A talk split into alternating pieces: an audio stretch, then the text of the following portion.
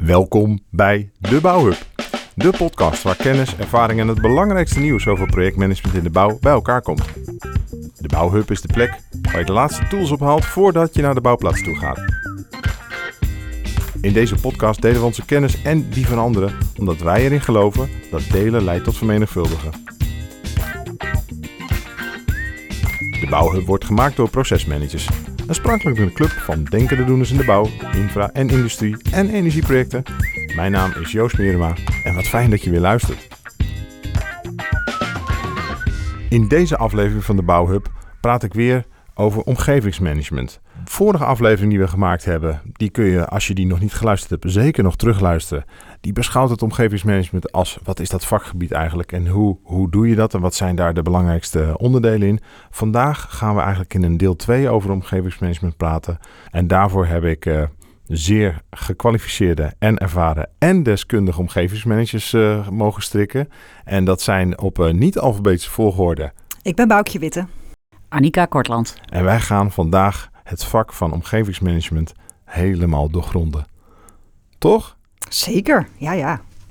Maar voordat we dat doen, en uh, als, uh, als dit de eerste aflevering is die mensen luisteren, is toch misschien even goed, uh, Boukje, dat je uitlegt wie je bent en waarom. Dankjewel Joost. Ik ben uh, Boukje Witte. Ik ben omgevingsmanager bij uh, NUF Associates. Dat is een interim adviesbureau, met name in de ruimtelijke, ruimtelijke ordening. Um, ik zit hier met, uh, met Annika Kortland uh, en ook met Joost uiteraard, die ik uh, ken. allebei van Oranje Loper, groot herinrichtingsproject en renovatie van Oude Brug in Amsterdam. En Annika die ken ik nog veel langer vanuit onze tijd bij de Hogesnelheidslijn Zuid. Dus Annika, jij mag. Ja, nou Annika Kortland, zelfstandige omgevingsmanager sinds nou, ruim 15 jaar. Nu werkzaam bij Ede Sport als omgevingsmanager. Ede Sport is uh, de nieuwbouw van station Ede Wageningen, uh, inclusief nieuwe sporen. En um, nou ja, dat is het eigenlijk. Ja. Nou, heel duidelijk, heel goed. Nou, de, de, vandaag willen we wat meer ingaan op. Oké, er is een omgevingsmanager die, die zit in een team. En uh, wat doet hij nou de hele dag, om het zo maar te zeggen? En, en stopt dat eigenlijk ook wel? Hè? Dus uh, ben je omgevingsmanager uh, voor maandag, dinsdag en, en donderdagmiddag? Of, of gaat dat eigenlijk niet? Ja. Ik zie Annika al nee schudden. Hoe, kun je omgevingsmanager eens kort neerzetten? Wa waarom is het logisch dat je daarop nee schudt? Nou, dat is wel mooi uit te leggen. Uh, het leven en, uh, van de mensen die wonen in het gebied waar je wat doet, gaat door. Ook buiten kantooruren en uh, in het weekend. En je kan dus nou, naar mijn beleving onmogelijk op maandag. Als er in het weekend iets bijzonders is gebeurd, kan een grote opstopping zijn geweest. Hè? Het verkeer, uh, als dat is geweest, dat je dat niet meeneemt in je werk en ja. dus terugbrengt. Dus je hoort dat te verbinden. Dus volgens mij belangrijke dingen die in het weekend of in de avonturen gebeuren, zijn belangrijk voor je werk. Ja, dit gaat over omgevingsmanager zijn gedurende een week, maar omgevingsmanager zijn gedurende een hele ontwikkeling.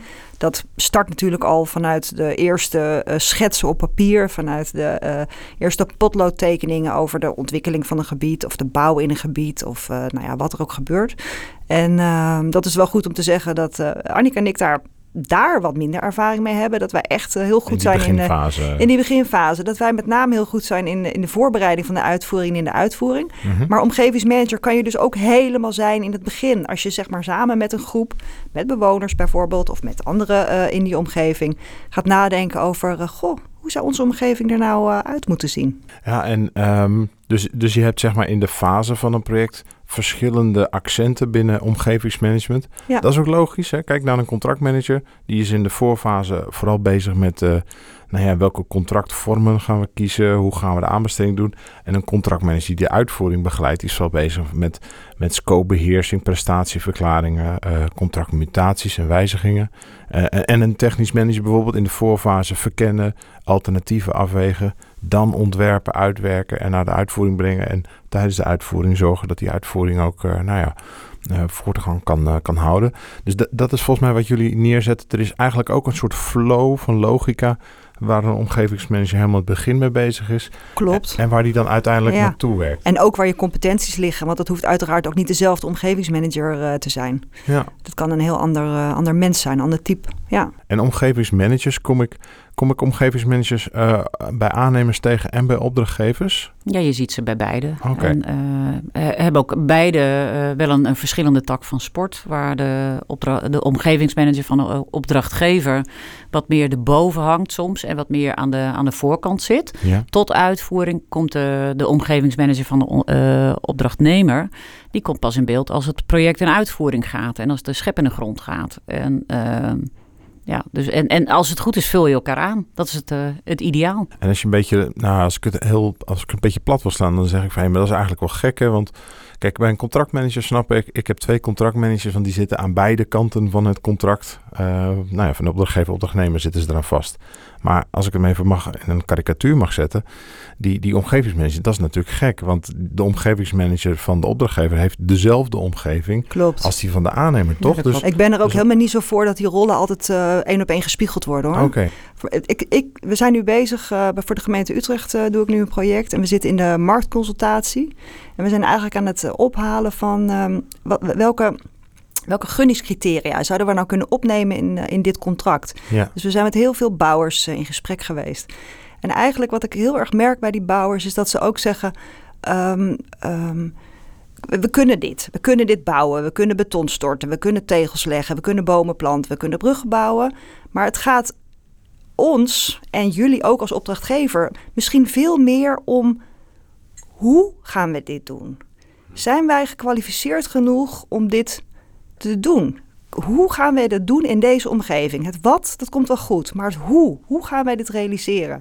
En dat vind ik ook veel interessanter om die uh, samenwerking met een bouwer op te zoeken dan per se uh, uh, lijstjes af te vinken van ik doe dit of jij doet dat. En, en dat, klinkt, dat klinkt voor mij nog wel een beetje abstract, het hoe van een project. Hè? Want hoe, hoe, hoe? Nou, zeg maar wat. Je vraagt aan een, een aannemer... Kun je een voorbeeld van nemen? Wat, wat, ehm, wat zou nou zo'n zo'n dilemma die je daarin zou willen be beslechten? Bereikbaarheid. We gaan een project realiseren in de binnenstad uh, van, van Utrecht. Dat betekent dat daar heel veel mensen rijden, fietsen, lopen, uh, trams. Uh, we hebben te maken met de provincie. Um, hoe, hoe gaan wij dit project realiseren en, en, tegelijkertijd bereikbaarheid waarborgen? hoe gaan we dit faseren? Um, uh, kort en hevig of wat langduriger en dan iets langer. Uh, dus dat hoe, dat vind ik echt veel interessanter om dat samen met een aannemer uit te werken dan het wat. Want dat wat, dat geloof ik wel. Daar heeft hij ook referenties van, dat hij een brug kan maken en dat hij tegels kan leggen. Dat, dat geloof ik wel. Maar het gaat mij veel meer om hoe ga je dat samen realiseren en nou ja, ook wel hoe ziet die samenwerking er dan uit. Hè? Hm. En nogmaals, ik ben er niet altijd een voorstander voor dat um, de rol van omgevingsmanager altijd gespiegeld wordt van, uh, tussen, tussen opdrachtgever en, en bouwer. Dat je die dubbel bezet. Nee, en, dat, ja. en wat, wat, wat, wat is het nadeel als je dat dan doet?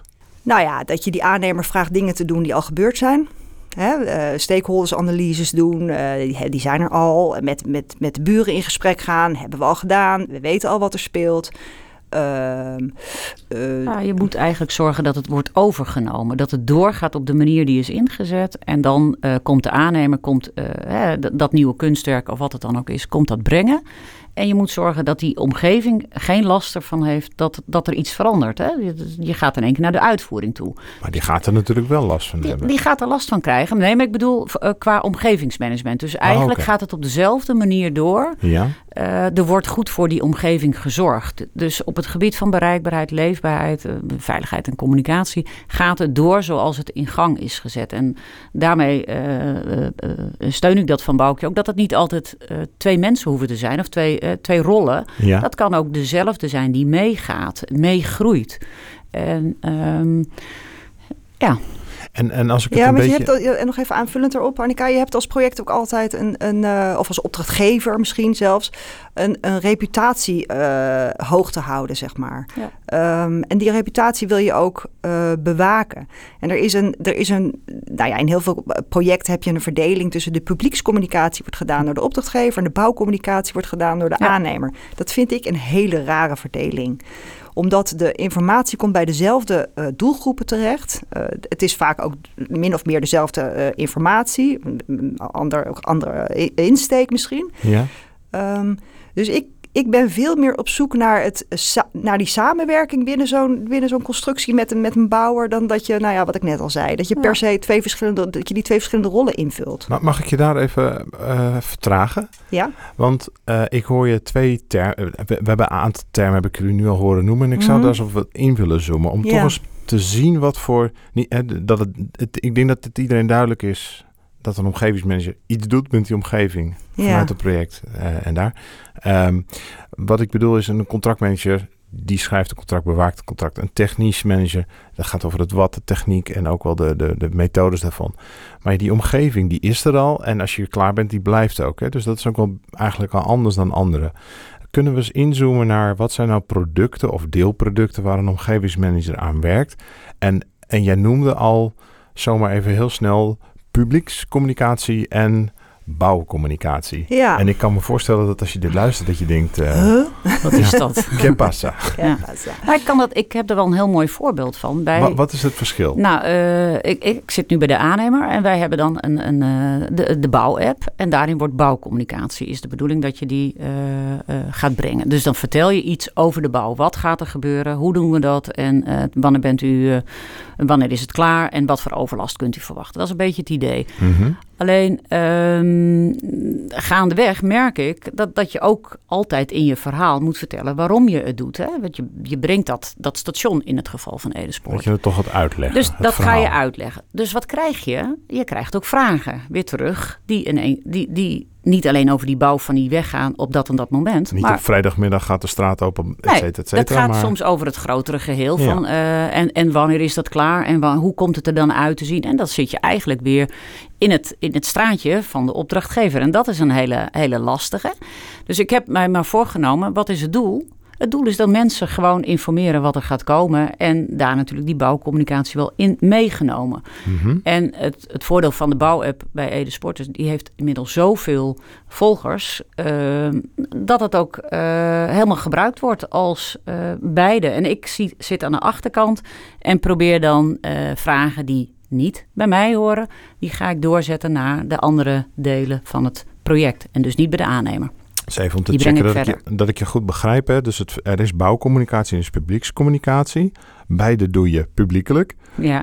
Um, maar bij de bouwcommunicatie ben je vooral bezig met um, vertellen welke werkzaamheden wanneer gaan plaatsvinden, wat voor hinder dat veroorzaakt. Ja. Dat je mensen uitlegt, uh, maandag gaan we dit doen, woensdag gaan we dat doen. U kunt het donderdag, uh, u moet even zorgen dat u... Hè, dat is wel even bekend, omrijden. Even omrijden of u moet even zorgen dat het bad vol met water zit, want we kunnen de waterleiding wel eens gaan raken. Uh, Absoluut. Nou ja, ik weet niet of het Absoluut. En, en publiekscommunicatie, dat gaat over waarom is dit project belangrijk, dat is breder. Dat, maar dan, ja. dan denk ik ook bij publiekscommunicatie wat meer aan um, de krant, uh, misschien wel de televisie. Um, ja, dat, dat, dat zou kunnen, maar je kan elkaar helpen daarin te versterken. Maar dat is wel dat de scheiding zoals jij het nu benoemt. Okay. ja. Ja, ja. ja, ja. En, en uh, uh, ik hoorde je dan zeggen, het is uh, voor opdrachtgevers heel onlogisch om de publiekscommunicatie bij de aannemer neer te leggen, blijkbaar. Hè? Um, kan ik me ook wat voorstellen, zeker als het gaat over publieke opdrachtgevers met gekozen vertegenwoordigers. Die hebben ook een bepaalde verantwoording, uh, zowel naar een uh, nou ja, naar gemeenteraad, aan provinciale staten. Maar die hebben ook een verantwoording publiekelijk. Ja. Dus die kunnen ja. er ook op aangesproken worden. Dus dan is het heel gek als je zegt... ja, maar daar ga ik niet over als wethouder. Dat moet ik bij de aannemer zijn. Dus dat, dat is misschien wel logisch dat ja. dus de opdrachtgever dat bij zich houdt. Klopt. En het is ook misschien wel gek om, om de afdeling communicatie of de woordvoerder te vragen van... Uh, gaat u nou maandagochtend beton storten of woensdagmiddag? Dus, dus, waarom, dus eigenlijk is het toch wel logisch dat het op die manier... als je dat uit elkaar trekt, dat je het bij andere Ja, partijen je krijgt wel leggen. verschillende loketjes hierdoor. En Ah, dat is, dat voor, is de, het. voor de omwonenden natuurlijk, of de gebruiker, is dat lastig om te zoeken bij welk Daar loketje moet, dus. ik, moet ik zijn. Want dat zijn twee routes die wel logisch zijn dat ze anders zijn... maar ze komen uiteindelijk... Ze komen bij elkaar en uiteindelijk kan de ene vraag, die heel simpel is, wanneer ga je die weg opentrekken? Ja, kan heel snel leiden tot ook het grotere. Dus dat je weer in het andere, in het andere gebied zit. En Ja, volgens mij is de basis dat je niet wil dat mensen gaan dwalen met hun vraag of hun melding of hun klacht. Je wil gewoon dat dat ergens terechtkomt. Of dat nou bij de aannemer is of bij, bij, de, bij de opdrachtgever. Uh, je wil dat gewoon goed geregeld hebben. En meestal doe je dat ook in de voorbereiding met een, met een communicatieplan. Hè? waarbij je zegt, waarbij je dat uitwerkt van tevoren samen met je, met je aannemer. Van wat, wanneer, op welk moment en hoe houden we elkaar op de hoogte. Mhm. En nou ja, ik ben de afgelopen jaren enorm verwend met, met hele goede hoofduitvoerders. Uh, die mij als omgevingsmanager gewoon centraal stelde en mij goed informeerde, zodat ik mijn werk kon doen. Is dat belangrijk uh, voor een omgevingsmanager? Ja, dat is zo belangrijk. Ja. Dat kun je niet zonder. Je moet, een, je moet een team hebben buiten die gewoon eh, die omgevingssensitief zijn, die snappen uh, hoe de hazen lopen. Uh, die weten wanneer je geïnformeerd moet worden. Ook als er bijvoorbeeld een calamiteit is, dat je gelijk als eerste gebeld wordt. Dat is echt heel belangrijk. Mag, ja. ik, mag, mag ik en voor mij maakt het dan niet uit of je zeg maar bij de opdrachtgever of de opdrachtnemer uh, zit. En even om een vooroordeel te testen of misschien wel voor altijd afscheid van te nemen. Het vooroordeel zou kunnen zijn, ja, die, uh, die, die, die botte boeren buiten met die helm op, die kijken nergens naar. Die zijn alleen maar bezig met bouwen. En, en ze hebben een omgevingsmanager nodig om dat dan uit hun te halen en te zeggen: nee, je moet of of, of is dat niet jouw werkelijkheid? Weet je, Joost, uh, die zijn er natuurlijk. Maar die zijn er ook bij de opdrachtgever. Dus dat soort types kom je natuurlijk altijd tegen iedere dag. Maar uh, mijn ervaring. Ja, nee, mijn ervaring is echt ook uh, um, dat, er, dat er heel goed schakelen is met ook de bottenboeren buiten. Die precies weten waarom jij wil weten wat je wil weten. En luister, zij zien ook de hele dag die mensen bewegen hè, in die omgeving. Dus je moet wel een enorme plaat voor je kop hebben. Wil je niet snappen, oh, ik kan me voorstellen dat we hier iets moeten doen aan communicatie of aan verbinding leggen met die buurt. Is dat dat vooroordeel wat we misschien soms wel eens tegenkomen, eh, zeker op afstand van zo'n bouwproject, van nou, oh, ze snappen dat buiten niet, dat is echt onzin. Dat, ja, dat, dat kunnen we nou, Ik vind het ook een beetje ouderwets. Ja, dat, het gebeurt, is maar het is niet, uh, nee. Dus misschien in de loop der jaren is dat wel veranderd. Ja. Waar dat, vroeger nog wel zo was, ja. Uh, van oh, ze zetten zo'n omgevingsmanager of communicatie in als middel en dan, dan komt het wel goed.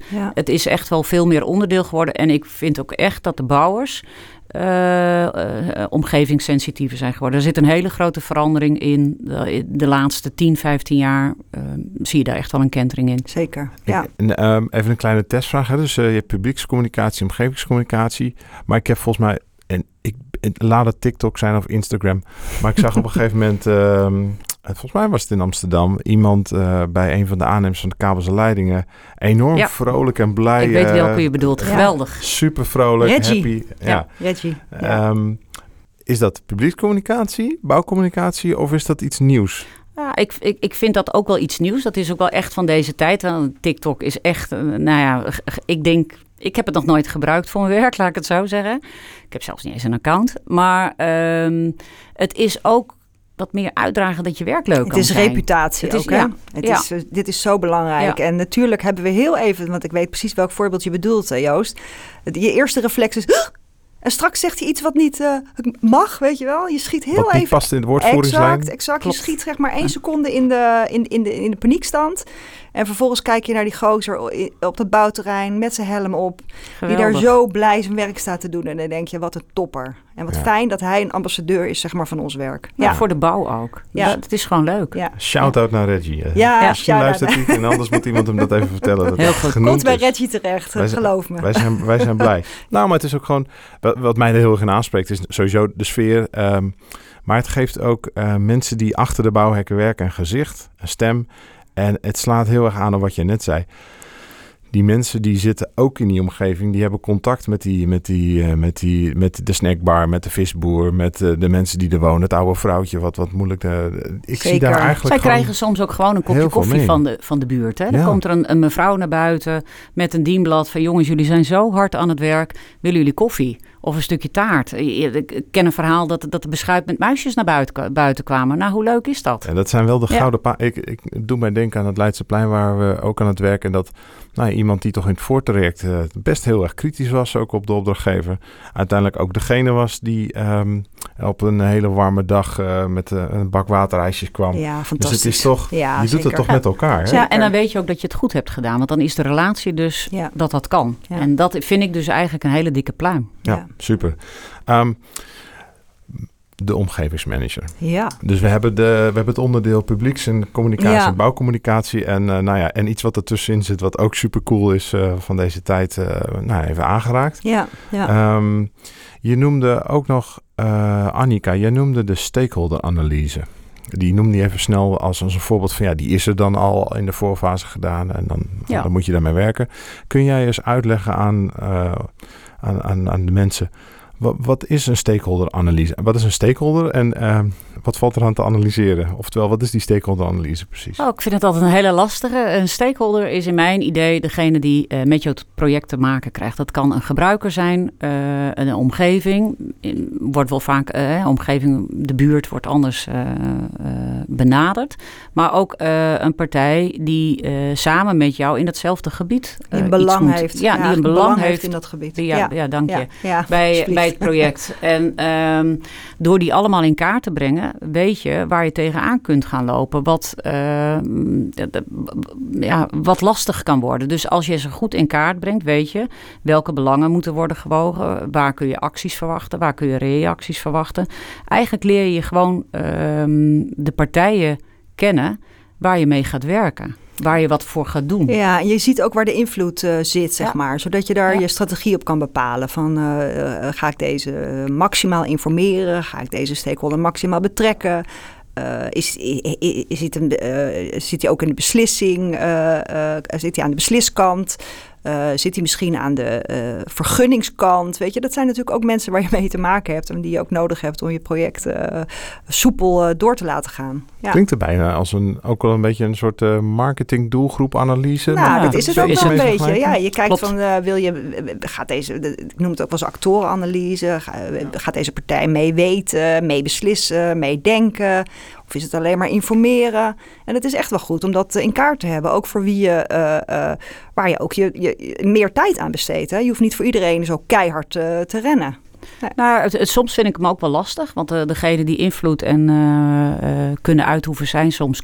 bepaalde stakeholders zijn daarin klein. En dan wordt er minder aandacht aan besteed. En toch kunnen bepaalde stakeholders uh, hele grote invloed hebben. Omdat ze de weg naar de politiek kennen, omdat ze de weg naar de media kennen. En dan is een klein uh, partijtje daarin.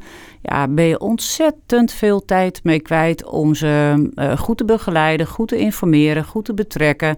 En continu maar scherp te zijn op dat je iets kunt verwachten. En nou ja, voordat je het weet, zit, daar, is, is, nou ja, zit, hij, zit hij in het verkeerde hoekje.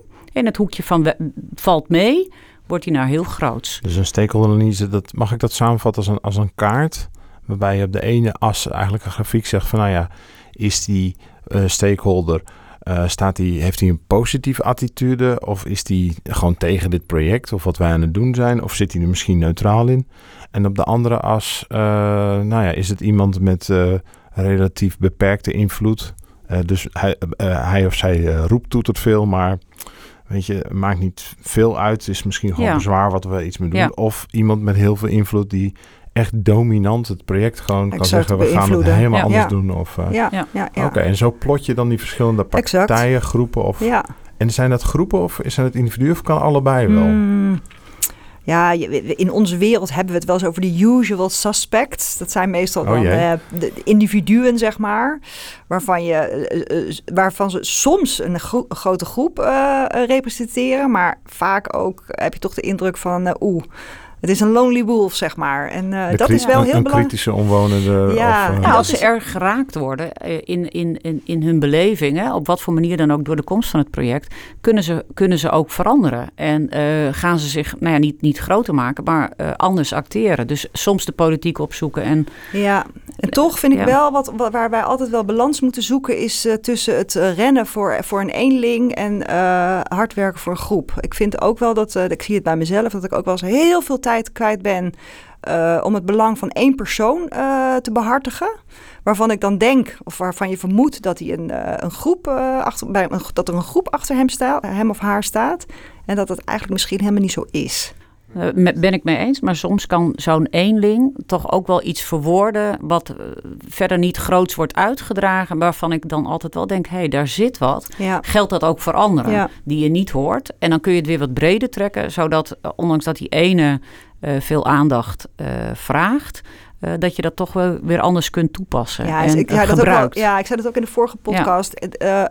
inderdaad, deze stem is ook echt van belang. Absoluut. want het toont ook aan dat iemand betrokken is bij jouw project en er wat, er wat over wil zeggen. Dat is waar. Ja. En um, Ik kan me niet voorstellen dat een omgevingsmanager dan op maandagochtend een bakje koffie pakt, uh, zijn deur dicht doet en die stakeholder-analyse even maakt. Uh, op basis van wat googelen en wat krantartikelen. Dus dat, dat, daar heb je ook anderen voor nodig. kunnen jullie mij eens meenemen in hoe een omgevingsmanager omgaat met andere rollen en, en, en mensen in je team. Waar, waar, heb je nou het meest mee te maken? Jullie noemden al bijvoorbeeld een hoofduitvoerder die je nou ja, informeert of een heads-up geeft of je even wat influistert van dit of dat speelt er. Ja. Um, kunnen jullie me daar iets over vertellen? Hoe, wat is de positie van de omgevingsmanager in een uh, projectteam? Zit, zit bijvoorbeeld een omgevingsmanager altijd bij de projectteam overleggen bij een soort MT of kernteam? Hoort dat erbij? Altijd. Niet? Nee, niet altijd. Eh, als je, eh, het, het, is wel mooi als je er wel zit, uiteraard. Want dan hoor je de informatie uit de eerste hand. En kan je zelf ook uh, de inschatting maken op, op issues die er spelen of risico's die er zijn. Dus ja, bij, bij voorkeur zit je wel aan die tafel in dat bouwteam of in dat MT. Um, ehm, dat is natuurlijk niet altijd zo. Uh, maar goed, weet je, ik denk dat de kwaliteit van omgevingsmanagers ook is dat je altijd op zoek gaat naar je informatie. Dus als je niet aan die tafel zit, dan kom je er uh, toch wel achter door je voet uh, tussen die deuren te zetten. Ja, ik weet niet hoe jouw ervaring is. Nee, nee ik, ik zat even heel snel te, te, terug te denken. Volgens mij zit ik altijd er, ja, wel redelijk vaak aan de MT-tafel. En uh, als dat niet het geval zou zijn, want dat is ook wel eens gebeurd, dan inderdaad gewoon door te vragen, daarna bij de MT-leden, en door te vragen. En als dan blijkt dat, het, dat, dat je eigenlijk twee nodig hebt, dan ga je het bij elkaar zetten. En dan, dan vraag je door. Van klopt het dat het zus of zo is en hoe ga je dit dan doen en heb je daar aan Dan breng je toch jouw kennis en kunde in, zo om op die manier ehm, het te beïnvloeden. Mm -hmm, Ja, en weet je, je bent natuurlijk uh, uh, je bent nooit alleen. Hè? In die zin, uh, er is in een gebied vaak een gebiedsadviseur vanuit een stadsdeel, vanuit een wijkraad of vanuit. Dat zijn een, wel de grotere steden, Boukje. Ja, dat zijn de grotere steden, sorry. nou ja, maar neem ons eens mee. Je, je hebt, er, je hebt iemand die het voortraject heeft gedaan, hè? dus de hele de participatie, de gebiedsontwikkeling. Dus daar kan je natuurlijk je informatie vandaan halen. Het is niet dat je op, op, op, moment X begint en dat je zeg maar zo'n clean sheet hebt. Uh, dus daar groei je wel naartoe. exact, daar ligt altijd wel een bepaalde context. En, uh, maar goed, ook dat is weer een competentie dat je, nou, wat ik net zei, die voet tussen de deur. Maar je moet ook wel nieuwsgierig zijn naar de, hoe, die, hoe die omgeving functioneert. Maar dat past misschien ook wel bij het beeld wat we net een beetje raakten van uh, ja, die omgeving die is er al voordat het project er was. En nadat het project klaar is en iedereen de oplevering, is de omgeving er ook exact, nog steeds. ja, dus je bent de gast, hè? Je bent de gast in die buurt. Je komt invliegen op maandagochtend. We, weet u, dat ja. Heb ik zelf ook even een kleine anekdote uh, gemerkt bij uh, alle projecten, maar waar het heel zichtbaar werd, was een ruimte voor de rivierproject. Mm -hmm. um, de Hoogwatergulf Wapenveld. En um, wat we daar deden was in het, uh, nou, toch het boerenland aan de IJssel, om er ook van Hattem tussen Vees en Wapenveld, nou ja, ja. in een heel mooi gebied, ja. heel veel werkzaamheden doen, laat ik het dan maar zo zeggen. Dus nou, en uh, die omgeving die wist vanaf uh, eind jaren 90 dat er wel eens iets aan zou kunnen komen. En een heel participatietraject. Dus die waren helemaal meegenomen, maar dat was ook veel onduidelijk. Lang vooral kort. Die zaten er eigenlijk niet op te wachten. Er was ook heel veel wantrouwen naar de overheid. Toen al. Hè? Dus dat moeten we niet doen alsof het de laatste twee jaar was. Maar dat was toen ook al. De MKZ-crisis die had er behoorlijk ingehaakt ja, bij de agrariërs. Ja. De overheid had daar flink nou ja, gehandeld. Uh, en dat had mensen pijn gedaan. Mhm. Mm -hmm. Even los van het oordeel of dat goed of slecht is, maar dat was wel feit. Mm -hmm. um, ik, en en, en nou ja, de, de, de clue was, um, me, je, je voelde dat je daar een soort ongewenste gast was als project, maar je was er wel. Dus je hebt dan toch wat te dealen met die mensen. En uh, dat werd ook wel heel heftig zichtbaar toen we klaar waren, uh, richting het einde. En dat de bewoners vervolgens uh, met uh, de lokale toneelgroep een toneelstuk hebben bedacht, ontworpen en opgevoerd. En dan zaten, de, nou, daar zaten ook bewindsvoerders uit Den Haag bij. Waarbij ze eigenlijk ook wel lieten zien van ja, dit is wat jullie met ons gedaan hebben. Ja. Um, niet alles was slecht. Wij voelen ons ook echt wel gehoord. Jullie hebben ook wel naar ons geluisterd. Maar het heeft ook wel heel veel impact gehad op ons leven. Ja. En dat was best wel heavy. Ja, Want kan me voorstellen. ik zag daar toch inderdaad bestuurders uh, nou, met tranen in de ogen zitten van... oh ja, ja, ja, wij zijn straks klaar. Maar zij zitten er. En um, dan denk ik wel, als ik naar, specifiek naar dat geval kijk, als je daar nu dat gebied in trekt, is het gebied ook echt heel mooi geworden. Hè? Dus Ja. er is ook heel Mhm. veel. Dus ik wil niet zeggen, dus, de, de, de- we hebben, daar is juist heel erg veel moois gebeurd. Ook, en- je en hebt niet alleen moois. maar huis gehouden, maar je hebt ook Nee, iets nee, zeker gebracht. niet. Ja, Maar ja, zelfs dan nog ja, eh, heeft het een impact op mensen. En die, ja. ja, weet je, een gast gaat weg, maar de, nou ja, waar je te gast Het bent, blijft. blijft. ja zeker. Ja, Dus dat, ja, misschien pak ik hem even een beetje te filosofisch, maar ik, dat vond ik zo. ja dat snap Zodat ik. daar is zo'n kwartje gevallen van, hé, hey, zij zijn er, wij zijn er eventjes, daarna zijn wij weg, maar zij zijn niet klaar. Het brengt niet iedereen iets moois. Niet iedereen is blij. Hè? Met, met, eh, eh, en daar moet je begrip voor hebben. Tijdens je project, na Ja. je project. Maar nou, in alle fases eigenlijk. Niet, niet iedereen denkt van joepie, er komt hier iets. Nee, soms moet je iets vervelends Niet brengen. iedereen is blij hè. Maar- en, en is ook niet blij te maken misschien. Nee, hoeft wel, ook, hè? hoeft ook niet hè. Ja. Hoe, Nee, hoe- en wat je net zegt, weet je, dat, dat, dat, dat, dat hebben we natuurlijk in de vorige podcast ook wel eh, gezegd. Er speelt natuurlijk ook vaak meer dan die ene ontwikkeling waar jij dan toevallig die omgevingsmanager bent. Wat jij net noemt als voorbeeld, die MKZ, eh, ja, wat is het? Ge- gekke Claus weer. Ja. Monte Ja, die gekke koeienziekte. Nou, daar heb jij mee te maken met die context. Dat dat dus kennelijk ook speelt. Eh, eh, Je hoeft het niet op te lossen. Het kan ook niet opgelost Exact, worden. je exact. We hebben dat ook, eh, Annika en ik hebben dat ook gehad in Amsterdam op het project waar we allebei eh werkten, waar we jou ook van kennen, Joost. Ja. Wij begonnen met een hele heftige uitvoering na een corona, na drie jaar corona. Ja, ondernemers we hadden net zin om weer eens gezellig te gaan ondernemen en wij, wij schoffelen de, de, de straat open. Daar heb je mee te maken. En daar konden wij niks aan doen. Ehm, maar dat was wel hoe het was. En je kan wel uitleggen dat, hè, dat eh, want ze vroegen ons dan van, had je dit niet tijdens coronatijd kunnen doen? Hè? Want eh, eh, dat alles open ging, begonnen wij echt eh, alles open te trekken. Nou, en dan moet je dus bereid zijn. En nou ja, ik, ik, ik, ik voel dat niet als een opgave. Dat is, ik vind het normaal om dat te vertellen. Waarom dat niet kan? Dat Ja. dus uitvoering een hele lange voorbereidingstijd heeft. En dat dat zo gepland was dat we pas in, op dat moment konden beginnen. En dus niet eerder konden beginnen. En dat dat natuurlijk wel fijn was geweest om tijdens corona de boel open te trekken terwijl de winkels dicht waren en de, en de horeca. Ja. Maar dat dat gewoon niet altijd kan. En als je dat dan uitlegt, de tijd daarvoor neemt om dat uit te leggen, nou, dan worden ze, de, eh, ze worden er niet blijer van, maar ze snappen het wel. Ja, en als ik er iets, iets naast mag leggen inderdaad, hè, want dat, dat hebben we daar gezien, is... ehm, we hebben ook daar wel werkzaamheden naar voren Absoluut, gehaald. Hè? absoluut. Maar die, die, die zijn dan niet zichtbaar, want die, dat zit al in de grond. En de andere kant is, ik denk ook dat mensen van nature niet altijd weten, gewoon omdat het hun vak niet is, ze zijn er niet mee bezig, hoe verschrikkelijk lang en ehm, intensief eh, je dingen moet voorbereiden voordat iemand langskomt met een busje en die Ja, je tegen Exact. optrekt. Dus Ja, ik ja. Begrijp, en- en ik ze begrijp hebben- helemaal dat iemand zegt, eh ja, dat even een half jaar Ja, geleden. zeker. nou, maar dat, hebben we, eh, vind ik, is met communicatie ook goed begeleid. Dat wij wel ook in de coronatijd wel hebben uitgelegd dat we dingen naar voren hebben gehaald. Ja. Om bewust eh, op latere momenten eh, eh, dat niet minder hoeven- hinder. minder hinder. Ja, precies. Ja. En, het was een hele tour, weet ik ja. nog. Hè? Dat was echt wel de boel even flink op zijn kop Ja, zetten. we hebben en binnen twee maanden hebben we werkzaamheden naar voren gehaald. normaal een half Ja. jaar, een jaar Ja. voorbereiding. Dus Ja. dat, en dan kan, je, dan kan een omgeving zeggen, zie wel, het kan wel. Maar we Nou, er zijn daar- ook wel foutjes gemaakt. Precies, dus hè? wat dat betreft, hè, we hebben daarna ook wel hier en daar nog wel het herstelwerk. ja. Maar dat calculeer je dan toch een beetje in van, nou ja, Ja, nou ja oké. Ja. Hey, en eh, als ik naar jullie eh, toe mag gaan als de omgevingsmanager, hè, dus ehm, we zetten hier een stukje dynamiek neer. Ik zou eens willen, in- het, hoe dik moet je huid zijn als omgevingsmanager eigenlijk? Oh.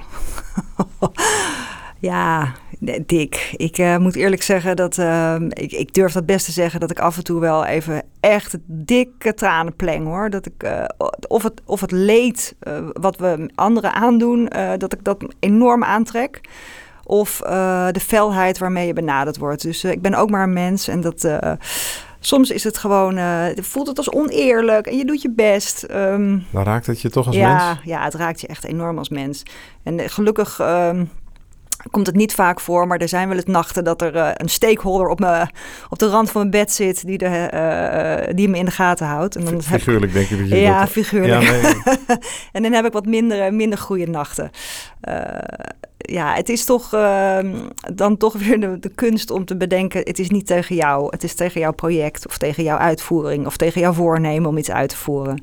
En eh, weet je, en het, in die zin nu ik het zo vertel, denk ik ook, ach, het is ook een compliment. Het is een compliment naar mezelf dat het me raakt. En ook een compliment naar die ander dat hij mij weet te raken. Hmm. En, want dan, dat geeft aan dat je een relatie, uh, dat er in ieder geval een relatie is en een gesprek. Dus uh, nou ja, dat haal ik er dan maar uit. Ja. Ja, ik kan er ook nog. Ja, ik, ik heb iets minder dat. dat uh, nou ja, ze zitten bij mij niet op de, op de rand van het bed. Ik, ik snap heel, heel vaak heel goed waarom die pijn bij iemand er zit. En waarom die soms ontzettend gefrustreerd uh, uh, naar je kan reageren op alle mogelijke manieren.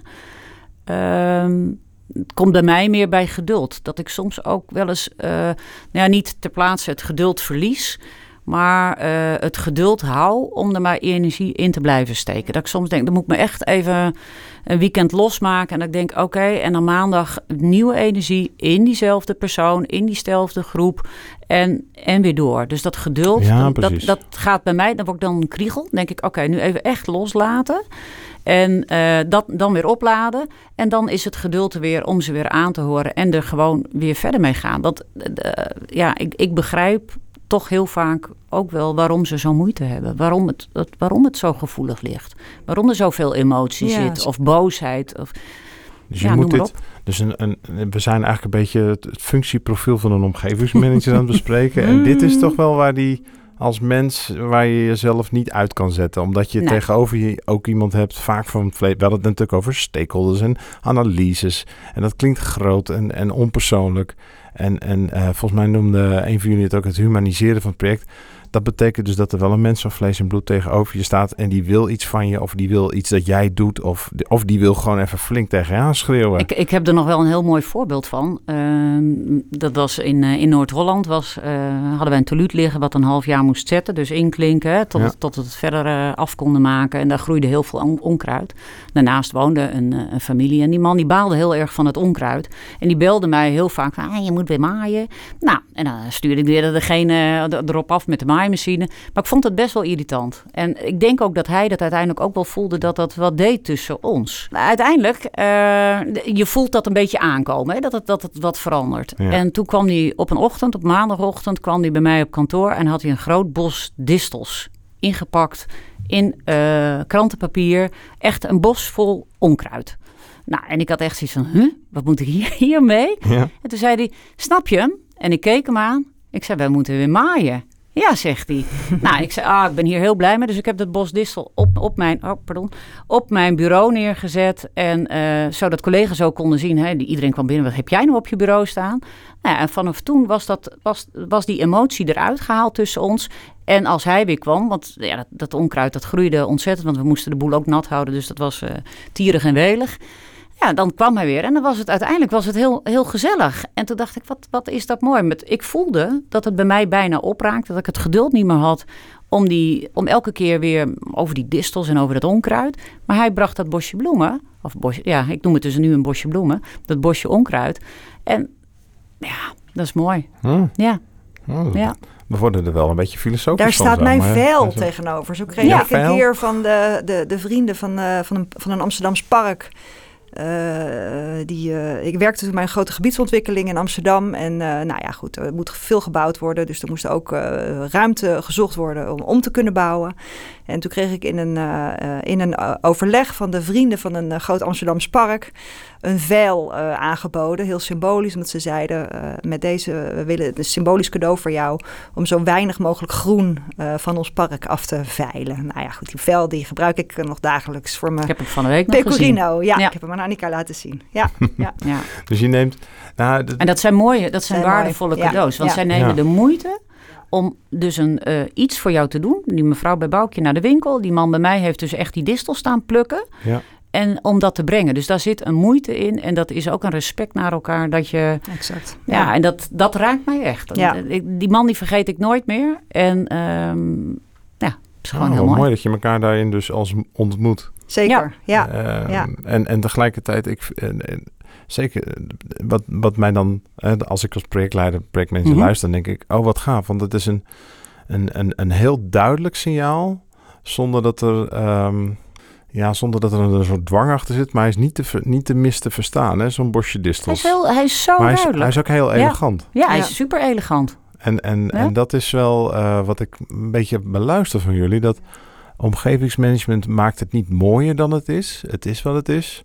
Maar doordat je dat doet en, en dat je er bent... Dat is een mooi woord voor. Wat je, maak je toch... Ben je, smeerolie. Smeerolie. Maar ik, misschien wil ik daar wel een beetje wegblijven. Denk, het gaat ook over bepaalde elegantie die ik mag hebben met elkaar. Dat je ja, ik vind het misschien. Ik ben niet of ik met je eens ben. Ik, ik vind het eigenlijk wel mooier worden met een omgevingsmanager op een project.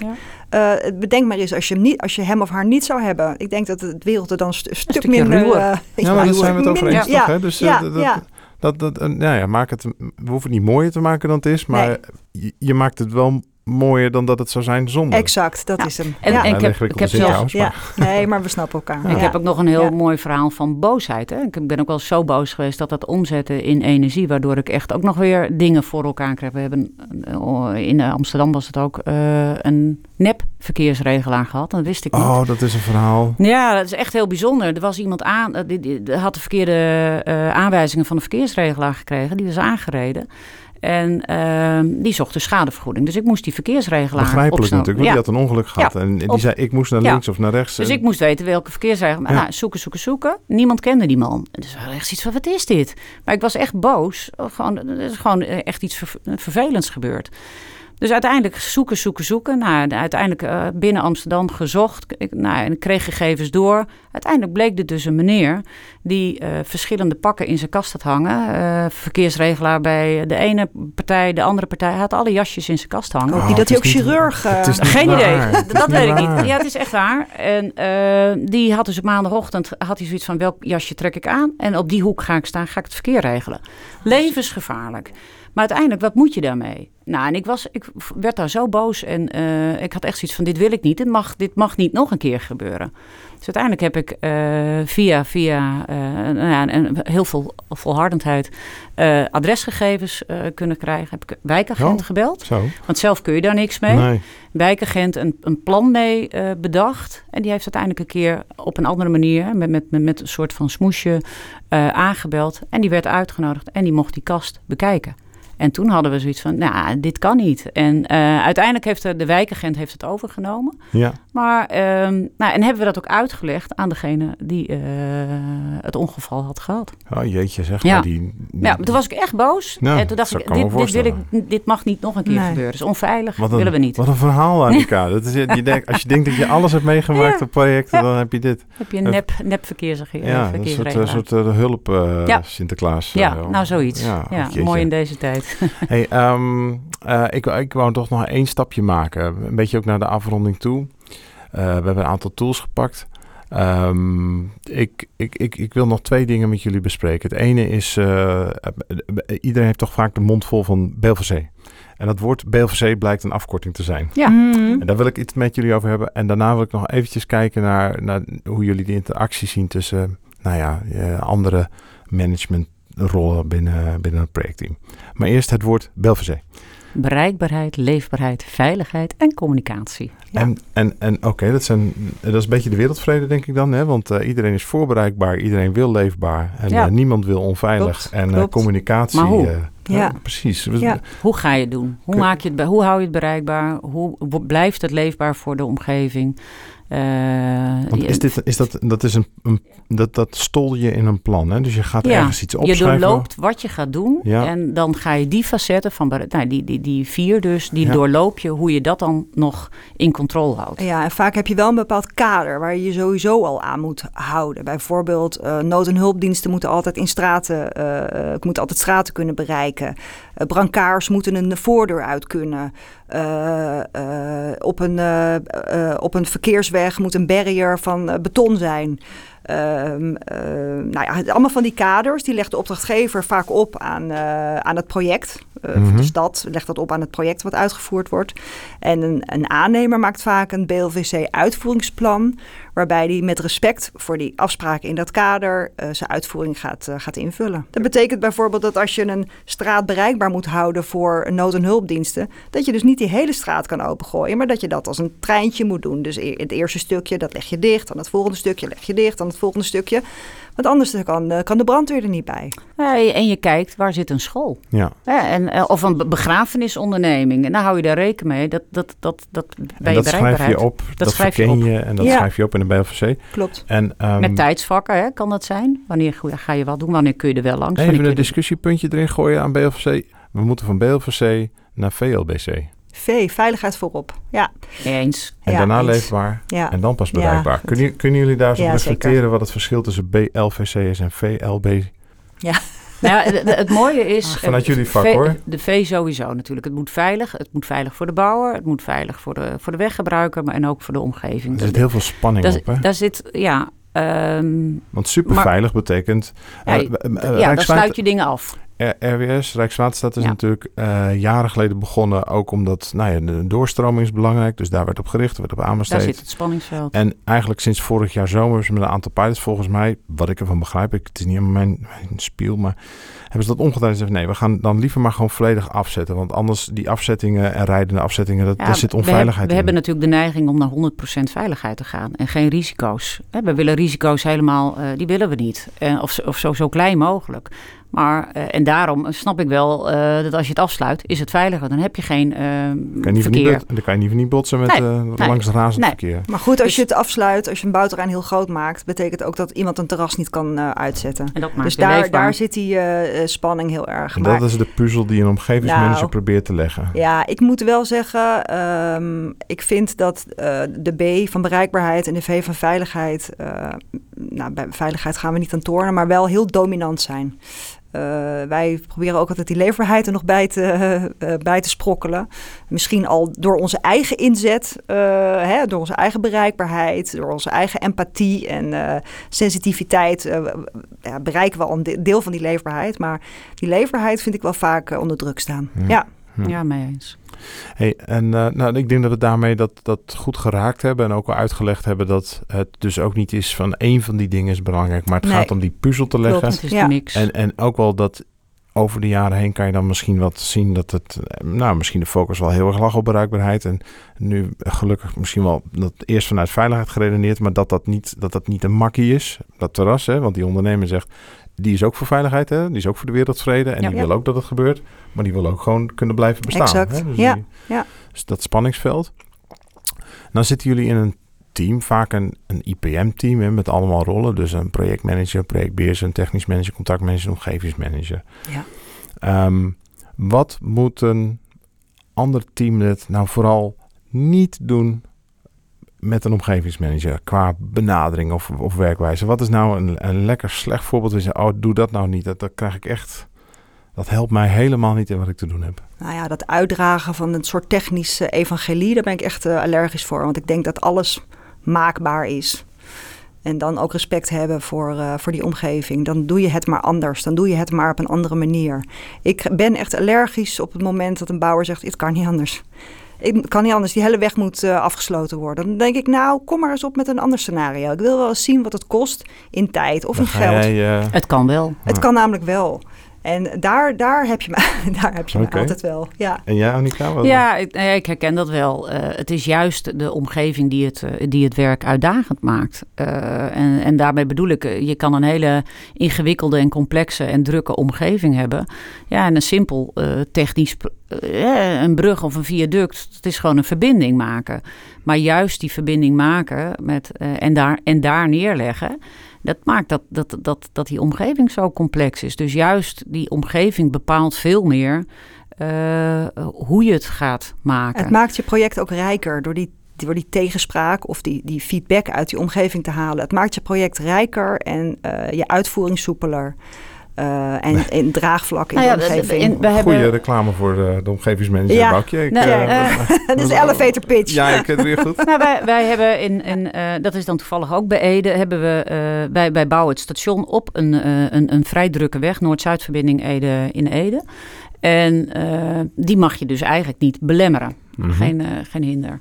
Dus wij bouwen alles voor op voorbouwlocaties. Dus -hmm. een hele reizigerstunnel is in zijn geheel voorgebouwd op een locatie. Die is afgelopen zomer is er één reizigerstunnel ingeschoven. Mm Waarmee je dus heel veel hinder op het spoor uh, voorkomt. echt zwarte band bouwen is dit? Ja, En we zijn nu een verbreding van een stuk perron aan het voorbouwen. Die ligt klaar. Wordt volgende week vrijdag wordt die naar, de, uh, naar het perron gereden. Dat is op die drukke weg. Dan hebben we maar 12 uur een afsluiting van die weg. Terwijl als je dat zou uh, bouwen in het werk, heb je veel meer hinder. En daar denk ik dat omgeving en techniek elkaar heel erg heeft gevonden. En we bouwen nog een reizigerstunnel. Die, die bouwen we in drie stukjes. Maar rijden we wel naar de plek toe. Dus je hebt geen hinder op die locatie. Dat doe je op een, een terrein wat er geschikt voor gemaakt is. En dan breng je het naar de locatie. En dat vind ik wel echt uitzonderlijk. Um, mooi voorbeeld. Mooi voorbeeld. Ja. Hey, en um, de laatste vraag, Annika. Uh, een projectleider, projectmanager die leiding geeft aan een team waar ook de omgevingsmanager in zit. Um, wat heb jij nodig van een projectmanager om je werk goed te kunnen doen? Um, dat hij zijn zorgen, die hij heeft op alle vlakken, want hij staat erboven, ook met je deelt. Want uh, soms uh, een, een, technische zorg uh, kan soms best wel op een andere manier opgelost worden. En dat is natuurlijk een beetje cryptisch omschreven. Um, wij hebben nu, we zijn bezig met de voorbereiding van een, die, die tunnel die dan in stukjes wordt ge, aangereden of niet aange wordt, over de weg wordt gebracht. En, en de technische uitdaging is, hoe komt dat daar? Want het, zit daar helemaal vol. Nou, en die zorg die hij heeft, die moet je delen. En dan kijken, kijk ik weer binnen mijn omgeving, zeg maar. Wees open over je zorgen, ja, gooi het open. En Boukje, wat, wat heb nou, jij Wat ik heel belangrijk vind van een projectmanager... is dat hij mij meeneemt in het proces. Want we, we zijn wel eens geneigd om alleen de uh, de mijlpalen te, te, melden, zeg maar. Hè, communicatie op, op grote mijlpalen. En dan zegt de omgeving wel eens, we hebben zo lang niks van jullie gehoord. Uh, of we, we, we, we, weten helemaal niet meer in welke, welke fase jullie zitten, zeg maar, van de voorbereiding. Um, dus die procescommunicatie, zeg maar, dat steeds meenemen van je stakeholders in waar ben je nu eigenlijk mee bezig in deze fase, dat vind ik uh, heel belangrijk. En ik denk dat die projectmanager daar, uh, de omgevingsmanager, enorm mee, mee kan helpen. Hmm, ja. Hmm.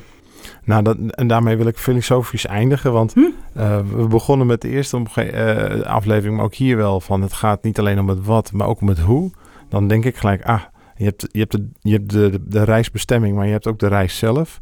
En hoe je eindigt, Boukje zegt van ja, neem elkaar mee op reis. En, en, en Annika, ik heb jou horen zeggen, en blijf onderweg met elkaar communiceren. Ja, zoek elkaar op. En zoek, zoek overweeg. En soms ga je links, soms, maar soms kun je ook rechts. Ja. En als je, nou ja, toch rechtdoor moet, dan is dat ook een boodschap. Is dat ook uitleg? Exact. Nou, um, dankjewel voor, voor, voor al jullie kennis en ervaring. En het was buitengewoon aangenaam om jullie uh, hier te gast mogen hebben. Ik, ja, uh, en elkaar ben... weer te zien, Joost. Ja, ja. En, um, en ik, uh, ik ben erg benieuwd of er reacties of vragen gaan komen. Ja, is er nog iets wat jullie gezegd hebben waar je nu denkt... oh, oeps, daar moet ik even op terugkomen, Boukje? Nee, nou. ik ben blij. Ik ben blij met mijn werk. Ik vind het leuk. Het is prachtig. En Annika? Ja, nee, ik deel dat heel erg. Zorg dat je passie en uh, bevlogenheid houdt in je werk. Dat, dat is zo leuk. Ja. Nou. En vooral in de bouw. Prachtig. Nou, super. Hm. Enorm bedankt uh, dat jullie hier waren. En daarmee zijn we aan het einde gekomen van deze... Eigenlijk het, het, het, het tweede deel van het tweeluik rondom omgevingsmanagement. Um, en in een volgende aflevering gaan we weer een ander veld uh, bekijken binnen, binnen het vak. Annika, Boukje, enorm bedankt dat jullie hier waren. Graag gedaan, leuk. Dank ja, dankjewel. En uh, tot snel. Daarmee eindigen we deze aflevering van de Bouwhub. Reacties op deze aflevering kun je sturen naar podcast.procesmanagers.nl of via onze social kanalen. Laat zeker een reactie achter op uh, LinkedIn. Vertel ons wat je ervan vond. Wat ging top. En heb je een tip, deel dat vooral. Um, en wil je meer afleveringen van de Bouw luisteren, abonneer je dan via de verschillende platforms. Uh, dat kan op Spotify, maar dat kan ook wel in de Apple Podcast app. En mis op die manier geen afleveringen. Dus abonneer je vooral. Wij hopen in ieder geval dat je nu weer wat kennis en tools hebt opgegaan. Zeker uh, op omgevingsmanagement die je morgen kunt toepassen op jouw bouwplaats. En uh, ik zou zeggen, uh, geef je omgevingsmanager morgen even een box of een, een schouderklopje. Hè? Want we hebben ook alweer gehoord dat het soms heel mooi werk is, maar ook wel even hard werken. Voor nu bedankt voor het luisteren. En we horen je graag weer terug de volgende keer op de Bouwhub. Wat is er veel over te vertellen, hè? Eigenlijk.